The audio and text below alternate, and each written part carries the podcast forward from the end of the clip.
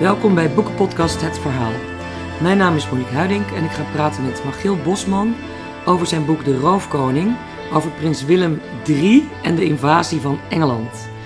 Magiel Bosman is historicus en schrijft geschiedenis vermomd als literatuur.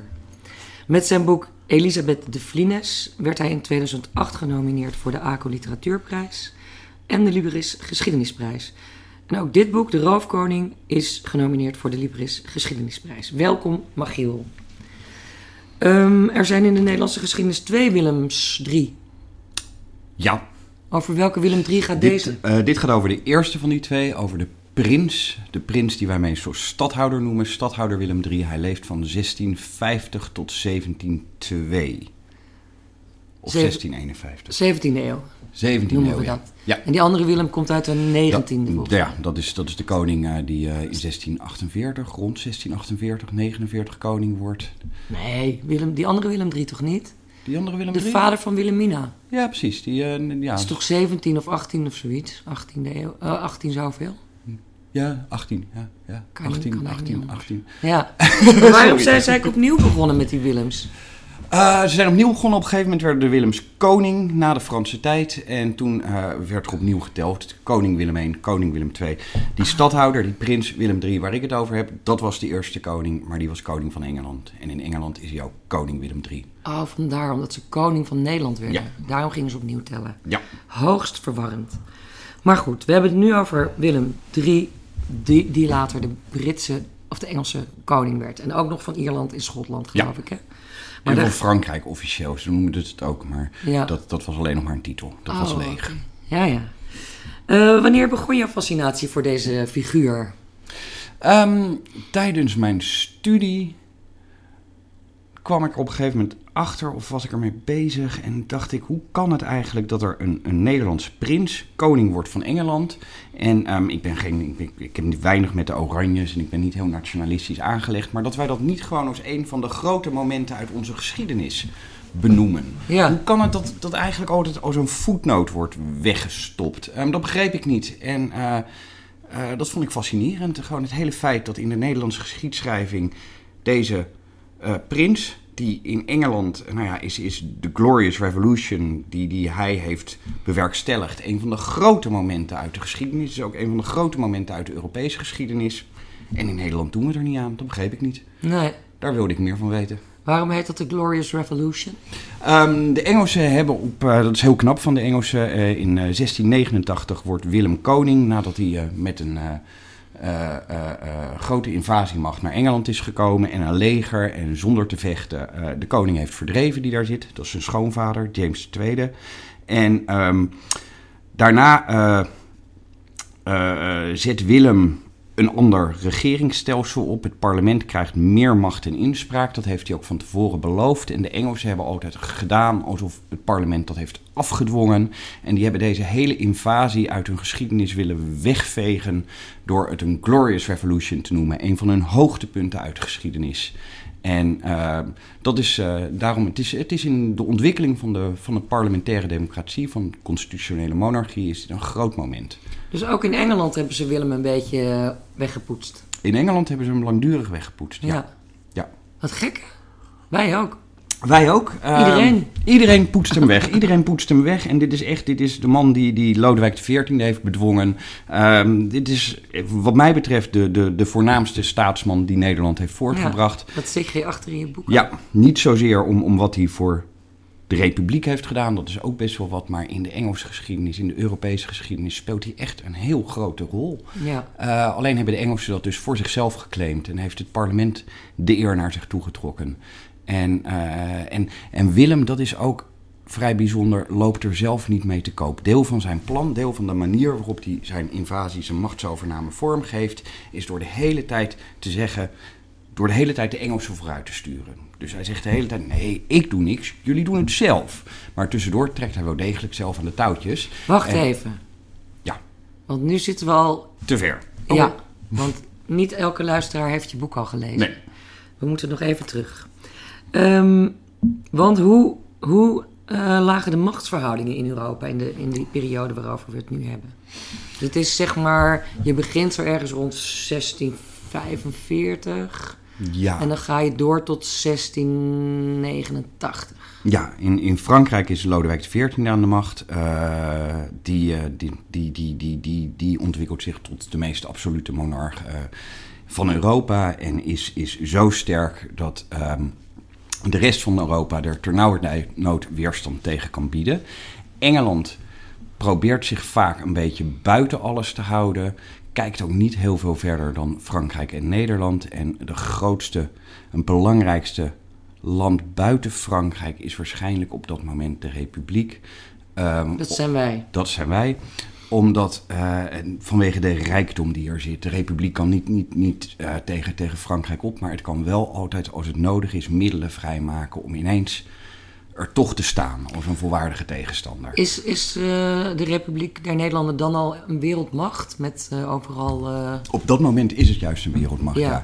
ja tot het rampjaar waarin Willem III naar boven komt drijven. Um, dat 1672, een, ja. dan wordt het door Frankrijk onder de voet gelopen. Maar ook daar herstelt het wel weer van. En de rijkdommen van, uh, van, van, van de Republiek en vooral van Amsterdam zijn enorm. Ja. Um, daarnaast is, is, is het Roomse Rijk, uh, Duitsland dus, is, is ook natuurlijk groot belangrijk. Er zijn allemaal... Spanje is op dat moment uh, vrij machteloos. Maar de grote, grote speler is, is Lodewijk XIV, is Frankrijk. Ja, die in Versailles daar dat de, bouwt hij, de ja. trotskoning aan het uithangen is. Juist. Um, er waren ook in die tijd continu oorlogen. Ja. Hoe, hoe, en dat waren eigenlijk altijd wel godsdienstoorlogen. Het was toch altijd de katholieken tegen de protestanten?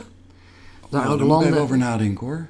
Uh, het wordt vaak op die manier geframed. Uh, oh. Bijvoorbeeld in 1672 trekken uh, dus Frankrijk en Engeland samen op tegen de Republiek, tegen Nederland.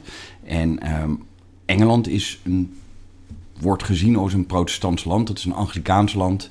Uh, dat heeft zijn eigen staatskerk. En die staatskerk die, die scharen wij onder de protestanten. En dat doen ze zelf meestal ook. Ja. Uh, dus op die momenten zijn er ook andere coalities. Macht speelt daarbij ook gewoon een rol. Ja, maar natuurlijk. als het even uitkomt, uh, dan, dan framen ze het graag in een religieus... waarom, waarom framen ze dat dan op die manier? onder religie onder het mom van religie is het makkelijk oorlog voeren. Dat merken we nog steeds. Dat ja, het een, een is dat omdat het volk dan meegaat? Uh, omdat het volk, dat, is, dat weet het, ik niet. Dat het, is, een... het is makkelijk in elk geval om je boodschap te verkopen. Uh, nou ja, voor godstrijd. Ja, aan het dus volk. Ja, ja. En dus, aan je soldaten misschien ja, zelfs. Ja. Het is een motiverende... Het is een motiverende en het staat ook los van jezelf. Macht is natuurlijk nooit iets goeds om om te strijden. Religie staat buiten jezelf. Dat het is, hoger. Iets hoger, ja. Dat is sowieso goed. Ja. Want God. Ja. En ze hebben allemaal altijd dezelfde God. Het is alleen de interpretatie van hoe God het allemaal bedoeld heeft. Ja, wat verschil. nou ja uh, er zit ook nog een paus natuurlijk tussen. En, uh, er, ja, want hoe zat Rome dan in, in, in, op dat moment, het Vaticaan? Uh, Rome heeft op een gegeven moment met, met, met, met, met, met Frankrijk grote ruzie en problemen over benoemingen van Franse bisschoppen. Um, tot het punt dat Lodewijk XIV ook weer troepen naar Rome stuurt. En dus die liggen ook niet helemaal lekker. Nee. Het is allemaal, het begint, de katholieke wereld is verdeeld. De macht van Frankrijk is zo groot dat ook de katholieken um, daar liever weerstand Ja. tegen bieden. Nu zijn ook al die, in al die hoven zijn al die mensen allemaal familie van elkaar. Ja, Die trouwen allemaal met hun nicht of neef. ja. En eh, hoe, hoe zit op dat moment waarin dit verhaal, eh, deze geschiedenis speelt, de verhoudingen tussen Franse hof, het Britse hof of het Engelse hof en het Nederlandse stadhouders gebeuren? Hmm. Um, ingewikkeld natuurlijk. Um, Ja, je hoeft niet alle. alle nee, nee, nee, nee. nee. op te Uh, het die is de zo. rol spelen in je- Lodewijk XIV is, of Willem, ja, eh, en, en Willem III zijn achterneven van elkaar. Um, Via. Via Willem III is de, dochter, de zoon uh, van een Engelse koningsdochter, Mary. Uh, de vader van Mary was de Engelse koning Charles I.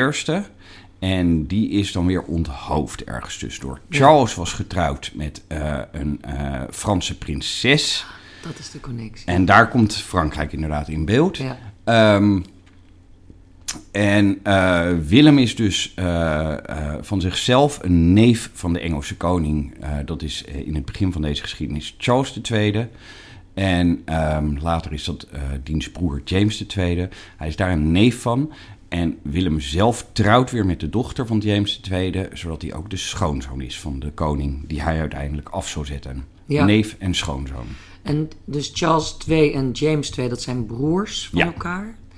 En die zijn dan weer Volle neven van Lodewijk. van Lodewijk XIV. Ja. Ja. dus het is allemaal neven, nichten, broers en zussen. Ja, het is echt een en, kaste eh, die boven ja. de rest van de wereld zweeft. Het is ook zo dat die koningen elkaar wel bestrijden, maar als er eentje omvalt, als die eh, wordt afgezet of wat dan ook, dan, vlucht, dan, dan zoekt hij ook weer zijn toevlucht bij een andere koning Ja. die hem de hand boven het hoofd zal houden. Ze hebben uiteindelijk ook niemand anders op dat niveau om, om zich achter te verschuilen dan elkaar. Maar ze vallen elkaar ook wel aan. Ja, dat, ze moeten strijden. Dat is om eer en glorie en, en, en en verbetering van hun positie. Maar dat, eh, die twee dingen zitten er dus bij. Het is echt het licht erboven.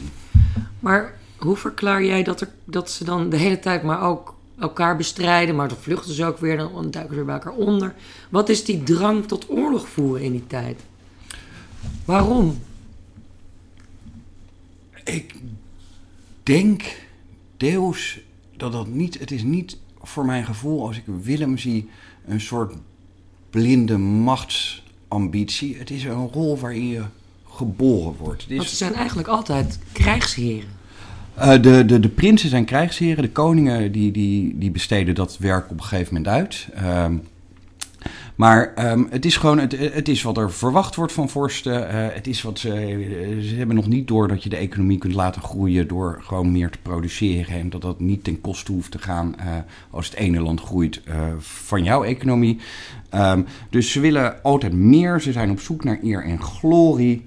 En zo iemand wordt in dat systeem geboren en het heeft natuurlijk, het creëert een soort dynamiek waarbij als je niet zelf, denk ik hoor, niet zelf je ook aanvallend opstelt, je uiteindelijk vanzelf onder de voet gelopen Dan word je aangevallen. Ja, je, je moet je dus altijd voorbereid zijn. Je moet, als er een- zich een kans voordoet, moet je die eigenlijk grijpen. Want als je hem laat liggen, zit je ervoor. Je moet iedere keer je positie verbeteren, anders ben je de volgende keer met jezelf het haasje. Dat is het. Dat, nou, dat is mijn gevoel. Misschien is dat heel simplistisch. Eh, misschien is dat ook wel alles behalve simplistisch. Dat weet ik niet. Nee, natuurlijk. We kunnen Ja. niet een, een sluitende Nee. eh, theorie. Maar het is gewoon heel opvallend. En omdat hun beroep vaak krijgsheer is, zou het ook best kunnen dat ze denken: ja, dan moet er ook wat gebeuren, want anders dan zit ik hier maar te niksen. Nou ja, ze hebben wel, wel meer taken. Ze, maar eh, zeker, zeker de prins, die heeft, die, die, die heeft zijn macht niet van God gekregen. Maar die wordt als stadhouder aangesteld en ook als kapitein-generaal, wat zijn legerfunctie is, door de staten. Ehm, dus die voert ook echt zijn troepen zelf aan. Dat, eh, dat besteedt hij niet uit. Koningen doen dat steeds meer, laten dat wel aan anderen over. Maar ja, het is wel inderdaad, ze zijn opperbevelhebber. Ze zijn, eh, het zijn de voorlopers van de Amerikaanse president. Eh, in, in Europa zijn de machten van de premier eh, aanzienlijk minder dan die van koningen destijds waren, ook van de Engelse premier. Maar eh, in Amerika, daar, daar, daar zit een, een, een, ja, daar, daar is het, het Europese koningschap denk ik wel eens het, het beste bewaard uiteindelijk. Ja, zie je parallellen met, eh, met, met wel- hè, die, bijvoorbeeld die James, de koning James, de tweede? Met welke huidige, of uit de, uit de recente geschiedenis? Ik weet niet of ik echt parallellen zie van die vorm, maar het feit dat eh, eh, eh, een, een president gewoon nog opperbevelhebber is, dat zijn onze premiers niet. Ehm, die machten zijn niet gescheiden. Ze kunnen veel makkelijker. Eh, eh, een, een, een, Amerikaanse president die komt één keer per jaar, komt die, als hij dat nodig vindt, naar het congres voor zijn State of the Union. Ehm, die stelt zich dus op daarbij inderdaad als staatshoofd en als de manier, ik bedoel de koningin, komt ook de Engelse koningin één keer per jaar om toe te spreken. Ehm, die machten die zitten veel meer in het, in het koningsmodel, in het model dat wij vroeger in Europa hadden, dan in Europa waar ze geleidelijk van eh, de koning op het parlement zijn overgegaan. Want in, in, op dat moment in Engeland heb je inderdaad al het hoger en het lagerhuis. Ja, En ehm, er zijn ook gewoon verkiezingen. ja. Wie mochten daar op dat moment stemmen? hangt weer per district ervan af. eh, eh, welgestelde mensen. Het, het is heel onduidelijk, heel, heel moeizaam en je kunt er ook goed mee marchanderen. Oh, maar eh, er is stemrecht en het is niet volledig te controleren vanuit het Hof. Nee, dat is Ja. het niet. Ja, want eh, de verhouding tussen de koning en, en eh, het parlement in Mhm. Engeland sch- beschrijf jij dat is de koning bepaalt en het parlement betaalt. Ja, een Dat onmogelijke constitutie noem ik het. Een? Onmogelijke constitutie. Ja, Ja, ehm, Ook daar trouwens eh, zie je in Amerika zo nu en dan. Ehm, Maar ik, ik vind Ja. toch wel, ja, het lijkt echt heel erg op het Ja. Amerikaanse systeem, ja. ja, En op Trump. en op Trump. James vind ik ook een beetje James lijkt Trump voor mij ook wel een beetje op Trump. Ja, ja, ja, Want ja. James is best een enorme hork. ontzettend. Een geweldige hork is dat. Ja, iemand die gewoon die, die overal doorheen wil lopen en Hij nauwelijks. niemand rekening. Nee, nee, nee, nee. boer. Hij heeft wel een, een, een, een visie, een ideaal, maar of dat ideaal zich nou ook verhoudt met wat zijn volk wil. En het is toch handig als die twee dingen niet te ver uiteenlopen. Ja. Het punt is namelijk, wat je net al zei, in Engeland is de Anglikaanse kerk, heet het, hè? Ja. Dat is de staatskerk. Ja, Daar is de koning ook het hoofd van. ja, Dat is protestantsachtig. Maar deze Ja. koning is katholiek. ja, En in Engeland heb je continu een probleem tussen protestanten en kat- katholieken. Want die meeste Engelsen, die vinden de papen, die hebben een hekel aan de papen. ja. Ze noemen, het, ze noemen het papen omdat zo'n scheldwoord voor katholieken. En wat doet de koning? Die Ja. bekeert zich tot het katholieke geloof. Ja, nog voordat hij koning is. Dat Ja. Ja. Ja, Nou, eh, dat is niet handig. Nee, Ja. ehm, het rare is natuurlijk dat eh, die koningen, zoals gezegd, dat is een aparte kaste. En waar ehm, eh, James, dat, dat, is, dat moet je er wel bij voorstellen, is dat zijn moeder dus gewoon een Franse prinses is, die katholiek is. Ehm, toen dat huwelijk tussen zijn ouders werd gesloten, werd er ook onderhandeld dat die kinderen eigenlijk de eerste zoveel jaar in het katholieke geloof zouden worden opgetrokken en daarna in het protestantse. Dat is niet doorgegaan. Ehm, zijn, eh, zijn, zijn, zijn overgrootvader, denk ik dat het is, of ja, ik denk het is zijn overgrootvader, eh, Hendrik IV van, van Frankrijk, die, die, die, die werd van protestant zomaar katholiek toen hem dat beter uitkwam. En zijn overgrootvader eh, aan ehm, eh, Engelse zijde, eh, nee, dat is toch, toch zijn grootvader, eh, James I, ehm, die was eerst koning van Schotland en daar presbyteriaan, een soort Calvinist. En toen werd hij opeens baas van de Engelse kerk. Juist voor die koningen zijn die, zijn die, die, die, die, die religies veel minder gestold dan voor andere mensen. Want inderdaad, ze gaan ook weer trouwen met eh, katholieke prinsessen. Ehm, juist op dat niveau zit er daar dus veel meer rek in. Ja, En eh, maar dat geldt niet voor een onderdanen. Nee, voor een onderdanen, die moeten gewoon, die, die, die, ja, die trouwen met elkaar als het goed is. En eh, Ja, die hebben daar veel minder problemen mee met deze ambivalentie die erin zit. ja. Maar er zit op het hoogste niveau een veel grotere ambivalentie met betrekking tot godsdienst dan, ehm, dan wij doorhebben als we die landen gewoon eh, katholiek en protestants en weet ik veel wat noemen. Oké. Maar het punt is nu dat dat parlement is gewoon eh, k- protestant. Ja, daar zitten eh, protestanten in. Op een gegeven moment zelfs mogen katholieken er ook niet, geen zitting Ja. meer in hebben. Ja, eh, en eh, er zit dus een koning die, eh, die katholiek is geworden, James, eh, de oom van Willem en ook zijn schoonvader. En eh, die wordt in 85, wordt die koning, 1685, na het overlijden van zijn broer Charles. En ehm, James die eh, wil ervoor zorgen dat katholieken ook op allerlei regeringsfuncties, eh, plaatsen terecht kunnen komen. Dat er katholieken in het leger kunnen. Wat En dat allemaal... doet hij ook. Hij vervangt allerlei rechters. Ja, hij vervangt rechters zoals het hem uitkomt, die hem in de weg zouden kunnen staan. Hij, hij, hij, hij trapt, eh, voor zover, hij, hij, hij houdt de constitutie overhoop, voor zover die op dat moment heel vaststaat. Ehm alle koningen halen constituties overhoop, dus daar moet je ook weer niet te veel van maken. Maar ehm, hij streeft naar het zich laat aanzien, zo lijkt het in de ogen van zijn tegenstanders, naar de absolute macht en naar een katholisering van Engeland. En dat eh, wordt hem niet door iedereen in dank afgenomen. Nee, dat willen ze niet. Nee. Dat willen ze gewoon pertinent niet. En op een of andere manier heeft hij dat niet zo goed door. Of hij wil gewoon, zijn wil moet wet zijn. Ik ben de koning en ik zal worden gehoorzaamd. naar mij. Zegt hij regelmatig. Ja. Ja, eh, hij is. eh, er is eerder is er een grote moeizame crisis geweest, de uitsluitingscrisis. Ehm, waarbij het parlement te hoop liep tegen eh, James, die toen nog geen koning was. En wilde proberen ervoor te zorgen dat hij ook nooit koning zou worden. Door hem uit te sluiten voor de troon. Ehm, dat heeft jaren geduurd. Eh, het ging er fel aan toe en het leek regelmatig op dat James zou verliezen. Maar uiteindelijk ehm, is dat niet gebeurd en heeft zijn broer daar toch een stokje voor gestoken. En eh, zo is alsnog op de kroon gekomen. Maar eh, de sentimenten in dit opzicht waren dus al verhit. Ja, En ehm, hij besluit toch dat hij als koning ruimte moet kunnen bieden aan zijn geloofsgenoten. Dat het ridicuul is dat hij als koning ehm, en katholiek eh, zelf een, een, een, staatsvijand zou zijn. Um, de, de, de ongerijmdheid van zijn positie is, is bij hem zodanig. hij heeft die uitsluitingscrisis overleefd. God heeft dus een plan met hem. Um, Ook dat nog? Ja, en, en, en de ongerijmdheid van die positie is zodanig dat hij niet denkt dat hij dan misschien beter een stapje opzij kan doen en geen koning kan worden, maar dat zijn land dus moet veranderen. Die moet, de ambivalentie die nu in het systeem zit, moet daar worden opgelost. Um, dat, dus het land moet veranderen om ervoor te zorgen dat deze koning niet meer in tegenspraak is met zichzelf. Ja. Um, dat is een beetje het gevoel. En, en je beschrijft dan ook hoe hij over zichzelf denkt, want er zijn blijkbaar best veel memoires van hem uh, ja. overgebleven. En hij vindt eigenlijk dat hij buitengewoon ja, vriendelijk, dat, dat de mensen hem niet begrijpen. dat hij, hele goede bedoelingen heeft met het land.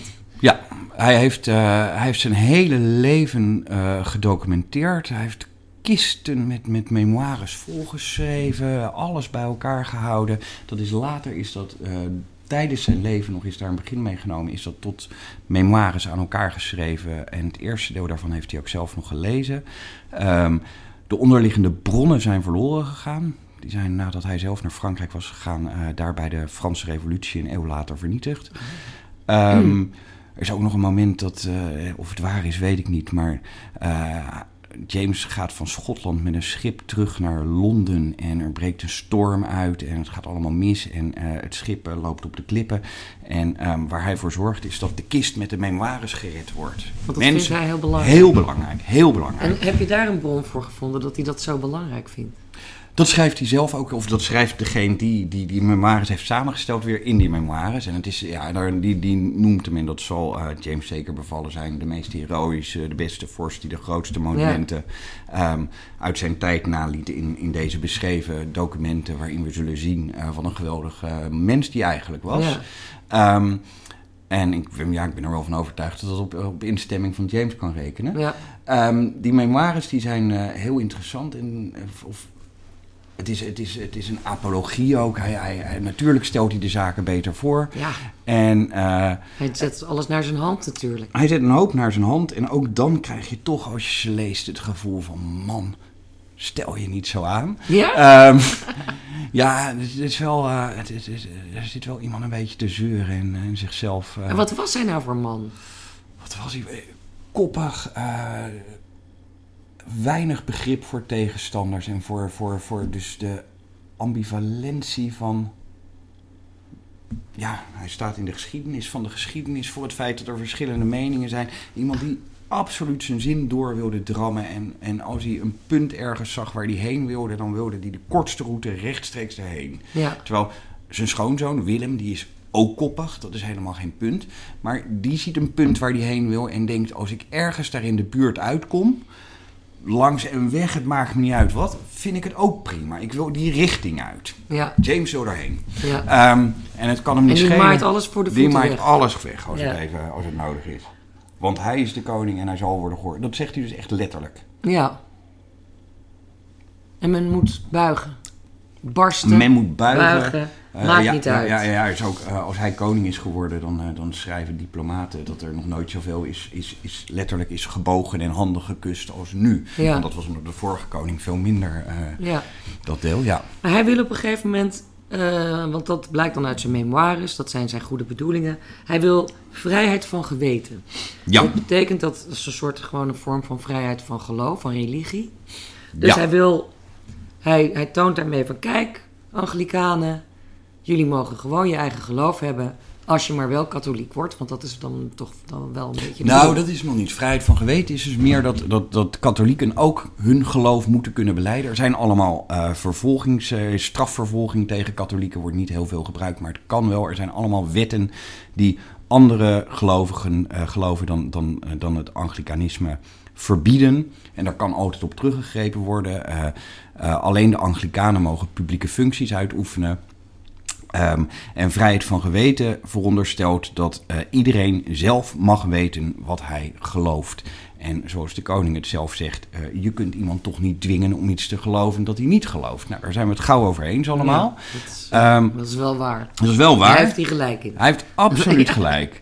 Ehm, vrijheid van religie is iets, iets breder dan dat. Dan mogen mensen ook... In, in, in, in de republiek had je wel vrijheid van geweten. Dus iedereen mocht geloven wat hij wilde. Maar het was niet zo dat iedereen ook maar kerken mocht bouwen... en publiekelijk zijn geloof mocht uiten.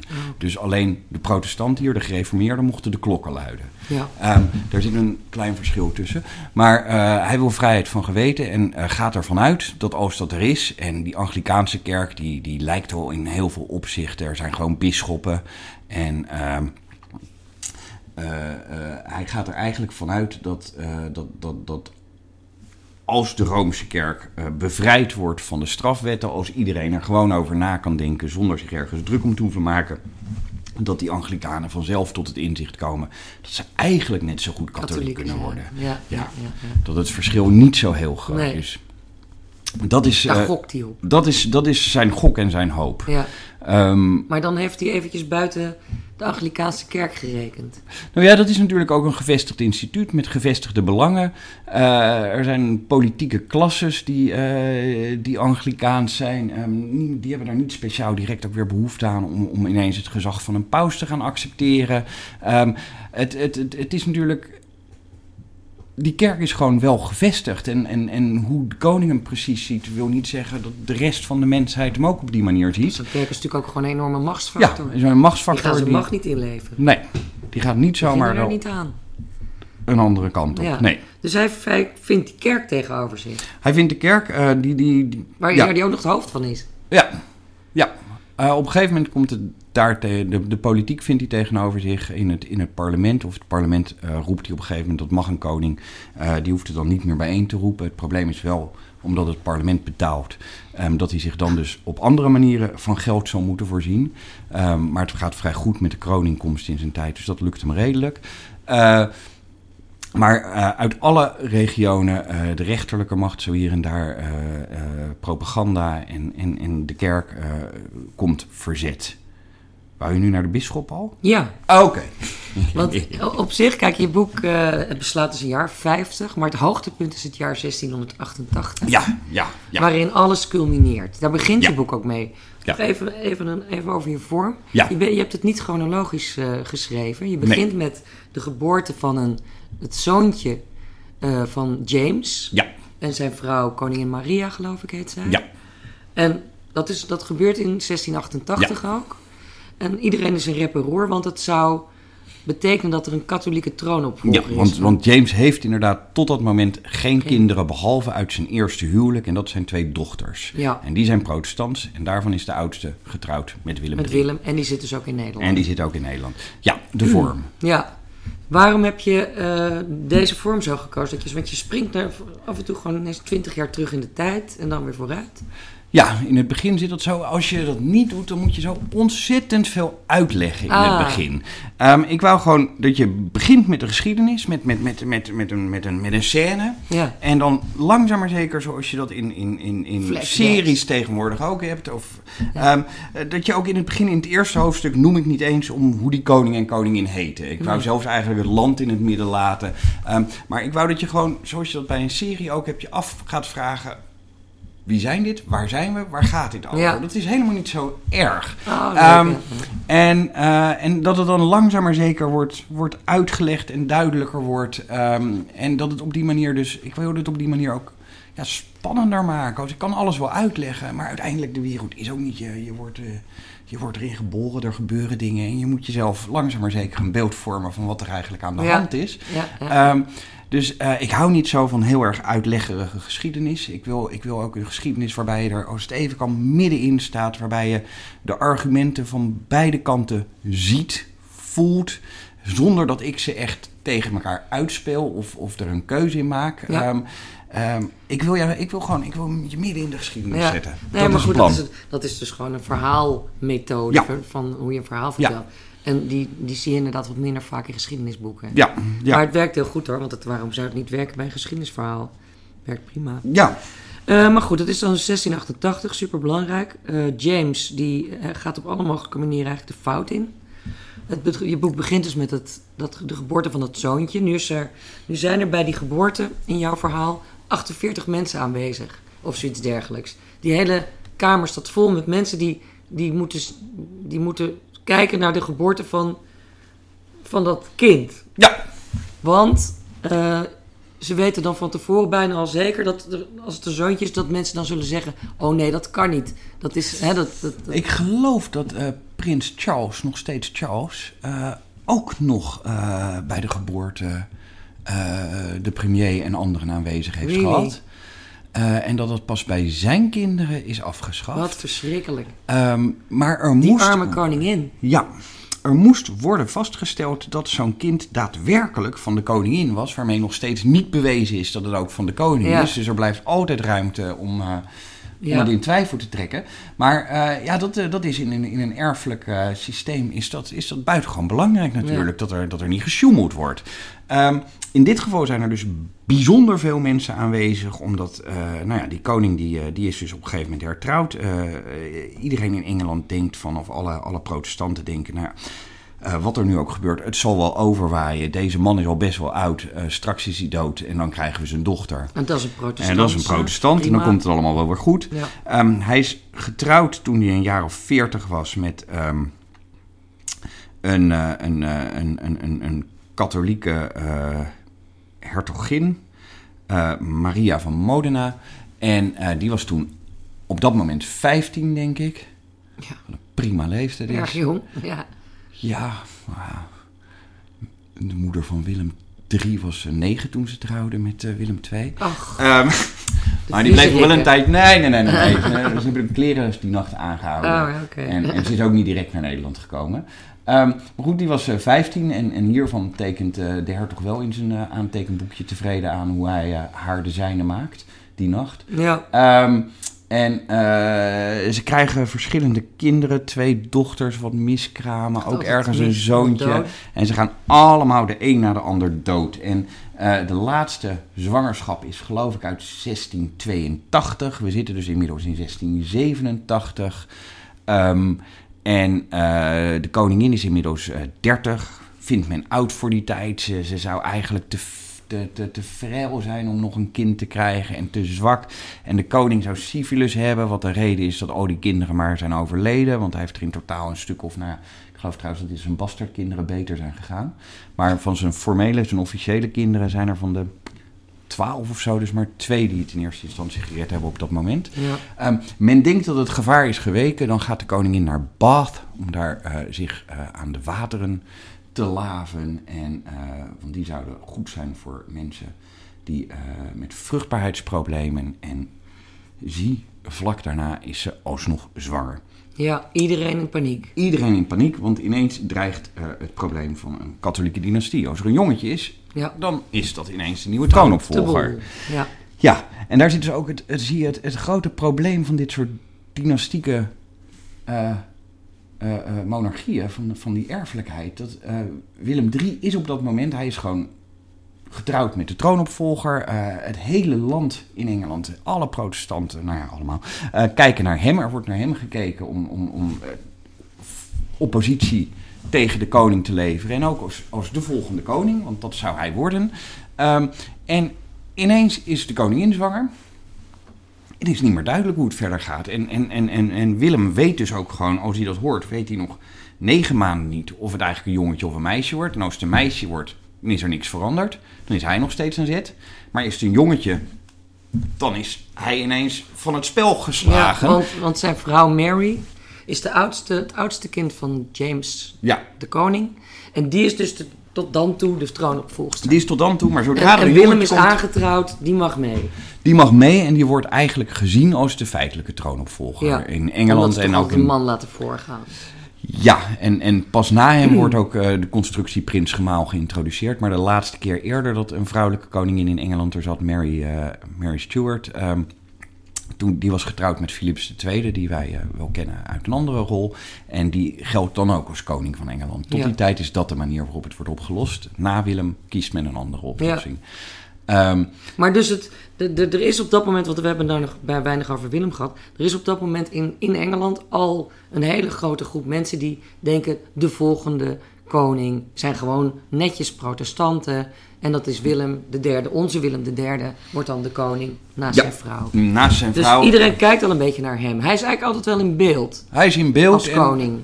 Ja, ja er, zit ook, er, er zwerft een kliek Engels om hem heen. Hij, hij is toch op het punt, hij heeft zich altijd afzijdig willen houden. Want te moeilijk, te ingewikkeld en een lastige positie. Maar hij is in 1687, begint hij toch langzaam maar zeker zijn invloed op te bouwen ehm, en aan te wenden. Want hij zegt dat hij geen koning te wilde smeken. worden. Het, hij zegt dat. Dat hij dat niet wil. Hij dat een leugen? zegt. Nee, oh, ik denk dat als hij die invasie doet, dat, eh, wat ik al zei, eh, Willem, Willem kijkt, maar weet niet precies waar hij uit moet komen. Ehm, als hij op een gegeven moment naar Engeland trekt om de koning te onttronen, dat, dat gaat zo tegen ieders moren, morens in. Dat, eh, dan, dan is hij alle, alle, alle steun die hij inmiddels heeft verworven kwijt. Het is gewoon een populariteitszet. Nee, dat is het niet alleen. Het is dus voor hem, het is ook denk ik iets wat. Hij kan hem dus ook in die zin niet afzetten, want dan heeft hij echt een probleem. Mhm. Ehm, als uh, uiteindelijk vlucht de koning en dat is het enige scenario dat werkt. Ja. Um, maar er zijn ook scenario's denkbaar waarin de koning formeel koning blijft, um, maar Willem als regent wordt aangesteld. En waarbij er een onderzoek komt naar die zoon dat hij eigenlijk onwettig zou zijn, of anders dat hij uh, alsnog een protestantse opvoeding gaat krijgen, dat hij weg wordt gehaald bij uh, zijn vader en ergens anders wordt opgevoed, een kind van staat. Er zijn scenario's denkbaar waarin uh, de koning wel degelijk buiten haakjes wordt gezet, maar nog steeds als koning verder kan regeren. Ja. En um, ik denk dat Willem daar ook genoegen mee zou hebben moeten nemen als het die kant op was gegaan. Ja. Um, en dat hij inderdaad nooit als inzet heeft gehad om de koning van... Dat, dat lukt niet, het is zijn schoonvader. Dan krijgt hij ook echt nergens steun bij elkaar. Dat gaat niet werken. Nee. En als hij zou sterven, zou hij alsnog uh, koning worden. Ja. Want dat zoontje wordt wel echt geboren. Maar toch, op een of andere manier gaat er een hele hardnekkige roddel... dat het kind doodgeboren is. Dat ze in een andere kamertje gewoon een, uh, al een twee maanden oud jongetje hadden liggen... die ze voor hem hebben in de plaats ge, uh, gesteld. Ja, en, goed verhaal. Ja, Ja. waarom niet? Er stonden 48 mensen bij te kijken, maar maakt niet uit. Nou ja, dat, dat, dat, dat kind dat, eh, dat huilt niet. En hij wordt naar een blendend vertrek afgevoerd. En daarna pas vertelt de koning wat het geslacht eigenlijk is aan al die getuigen. Dus ze hebben niks gezien en ook Ja. niks gehoord. En ehm, inderdaad, eh, eh, eh, wat Heel nou... dubieus. Ja, ja, stel nou dat het een meisje is. Misschien hebben ze toch, want die koning heeft die zoon echt nodig. Dit is gewoon zijn... zijn dit is, De zo'n- redding van zijn katholieke project. ja. Dus ehm, ook mensen die uiteindelijk niet geloven dat er werkelijk een kind is verwisseld, eh, houden nog steeds er rekening mee dat men wel degelijk iemand klaar had staan voor de Ja. zekerheid. Want dit mocht niet mislukken. Of het zo is. En, en die roddel wordt dus ontzettend vanuit Nederland en vanuit eh, het Haagse Hof gevoed. Ja. Ehm, en Het zijn alternative facts, hè, dit. het, zijn, eh, het, hele, het is allemaal alternative facts. Ja. ja. We denken dat het van deze tijd is. Maar dat is helemaal niet zo. Het is van alle tijden. Nou ja, toen, toen kon dat makkelijker. Ja, nu zie je het de hele tijd zo tegen elkaar uitgespeeld. Je ziet ook dat Willem tegen de een dit vertelt en tegen dat doen ze allemaal. Maar het komt niet zo makkelijk bij elkaar, die informatie. intri- intrigant. eh, en Ja. ja, fantastisch. Want Willem vertelt gewoon drie verschillende verhalen uiteindelijk. Ja. Want uiteindelijk, dat is, daar gaat het boek uiteindelijk naartoe. Hij gaat met een enorme Nederlandse vloot. Gaat hij naar Engeland varen. En binnen no time heeft hij dat land, heeft hij dat land veroverd. Nou, het land verovert hij niet. Hij verovert een troon. Dat, eh, het, is, het is uiteindelijk een, eh, een, een, een onttroning. Hij wordt met, met eh, gejuich ontvangen als hij eenmaal voet aan land zet. Ja. Ja, niet, niet in eerste instantie trouwens nog even niet. Maar als hij wat verderop het land ingetrokken is, dan staan ze allemaal juichend voor hem op de bres. Ja, ja, ja, ja, ja. Er zijn, er, hij heeft medestanders. Hij heeft absoluut medestanders. En de koning heeft het eh, behoorlijk verkloot. Ehm, bij een hoop mensen. Want even Ehm, nog terug naar, ja. dat, naar, naar Nee, dat jaar 88. Ja. We hebben dat zoontje. En dat Ja. is allemaal heel dubieus, want dat is misschien helemaal niet echt doodgeboren. we hebben de bisschoppen waar we niet terecht zijn gekomen. Want hij gaat op een gegeven moment, zegt hij tegen die bisschop... jullie moeten een bepaald soort eh, verhaal voorlezen. Ja, ze moeten in de kerk voorlezen dat, eh, dat ze liever zouden zien dat alle, alle onderdanen katholiek waren, maar dat we het geweten niet willen dwingen. Dat moet in alle kerken Ja. van Engeland worden Doen voorgelezen. En dan zegt men, we doen het niet. Volgt er een rechtszaak. Eh, de koning die, die beschuldigt ze van smaad. En de rechters, het hele land staat inmiddels op zijn achterste poten. En de rechters vinden ook de moed om te zeggen, we gaan er niet mee. Ja. Het eindigt in vrijspraak. Ehm, dus die is er Enorme geweest. blamage voor de koning. Enorm. Geweldig verlies aan Ja. macht en gezag. Ja, En dan eh, zijn er inmiddels, is Willem al ook al helemaal aan het voorbereiden van nou, dit, dit gaat daar fout. Ja, ik zit die- met, dat, met dat neefje, dat, Ja. dat, dat kan allemaal niet, het gaat mis. Hij bouwt een enorme vloot op. Ja, voor Willem speelt ook een rol dat eh, als Engeland katholiek wordt, ehm, dan is er dus een blok van Engeland en Frankrijk. Ja, is en dat bang, en dan wordt de republiek over onder de voet gelopen. Dan, eh, dan houdt het op met het protestantisme. Ja. Dat is een ander probleem. En er is nog steeds natuurlijk het probleem, want hij is de troonopvolger in zekere zin. ehm, dat als het jongetje weer doodgaat, dat hij al deze rommel op mag ruimen. Hij is partij in dit conflict, of hij het wil of niet. Ah. Ehm, dat is ook onderdeel van het verhaal natuurlijk. Eh, hij is partij. Er wordt naar hem gekeken. Als hij nu helemaal niets doet, dan op een gegeven moment zeggen die Engelsen ook van... nou ja, wat ben je ook voor... eh, wat moeten we Ja. met jou? Ehm, dus dat, dat, eh, zijn, zijn positie is ingewikkelder dan alleen maar dat hij, dat hij daar een kans ziet... of dat het niet misgaat. Of, eh, het, eh, eh, hij, er, er speelt vrij veel tegelijk Ja. voor hem. En, want hij heeft ook een heel spionagenetwerk heeft hij opgezet in Engeland. Ja. En eh, dan, dan ja, doet hij eigenlijk een heel vrij cruciale, gewoon psychologisch denk ik heel uitermate slimme actie. Hij, hij zegt, ik wil gevraagd worden. Ja, Jullie moeten, Engelsen moeten mij vragen of ik jullie wil komen helpen bij het, Ja. bij het rechtzetten van de, Ja. de situatie met Ja, James. briljant gespeeld. Hij doet vrij veel, vrij goed. Ja. Ja, ja hij wil dus, eh, om te beginnen krijgt hij op die manier dus mensen die echt hun leven verbinden aan deze missie. Dan weet hij dat er werkelijk steun Want het is. zijn eigenlijk landverraders. Het zijn absoluut landverraders. Ja. De Immortal Seven heten ze in de Engelse geschiedenis, maar dit zijn landverraders. En in de tweede plaats kan hij dat dus in zijn propaganda gebruiken. Ik ben gevraagd en wat Willem doet, en, en dat vind ik ook echt heel knap. Ik denk dat, ik gok altijd dat, dat Vagel, de raadpensionaris, dit verzonnen heeft, maar weet ik niet. Ehm, hij maakt er dus een bevrijdingsoorlog van. En ik weet niet of iemand dat ooit eerder heeft gedaan. Ehm, dat je een land met een leger komt om een land te bevrijden. Ehm, wij hebben het vaker gezien. Het was echt, het is, ik vind het briljante retoriek. Ja. Dat, eh, dat doet hij allemaal eh buitengewoon netjes. Eh, in een snel tempo tuigt hij vervolgens een legermacht op. Ehm, hij neemt 20.000 troepen mee. Engeland, dat is natuurlijk wel een onderdeel daarvan. Kijk, het Franse leger is een man of 100.000. Maar Engeland heeft natuurlijk... daar was vroeger geen staand leger. Dat heeft James net ingevoerd. En ehm, omdat het een eiland is... ja, makkelijk te verdedigen. Ja, makkelijk te verdedigen is het ook weer niet zo dat ze daar nou een geweldig leger hebben klaarstaan. Nee.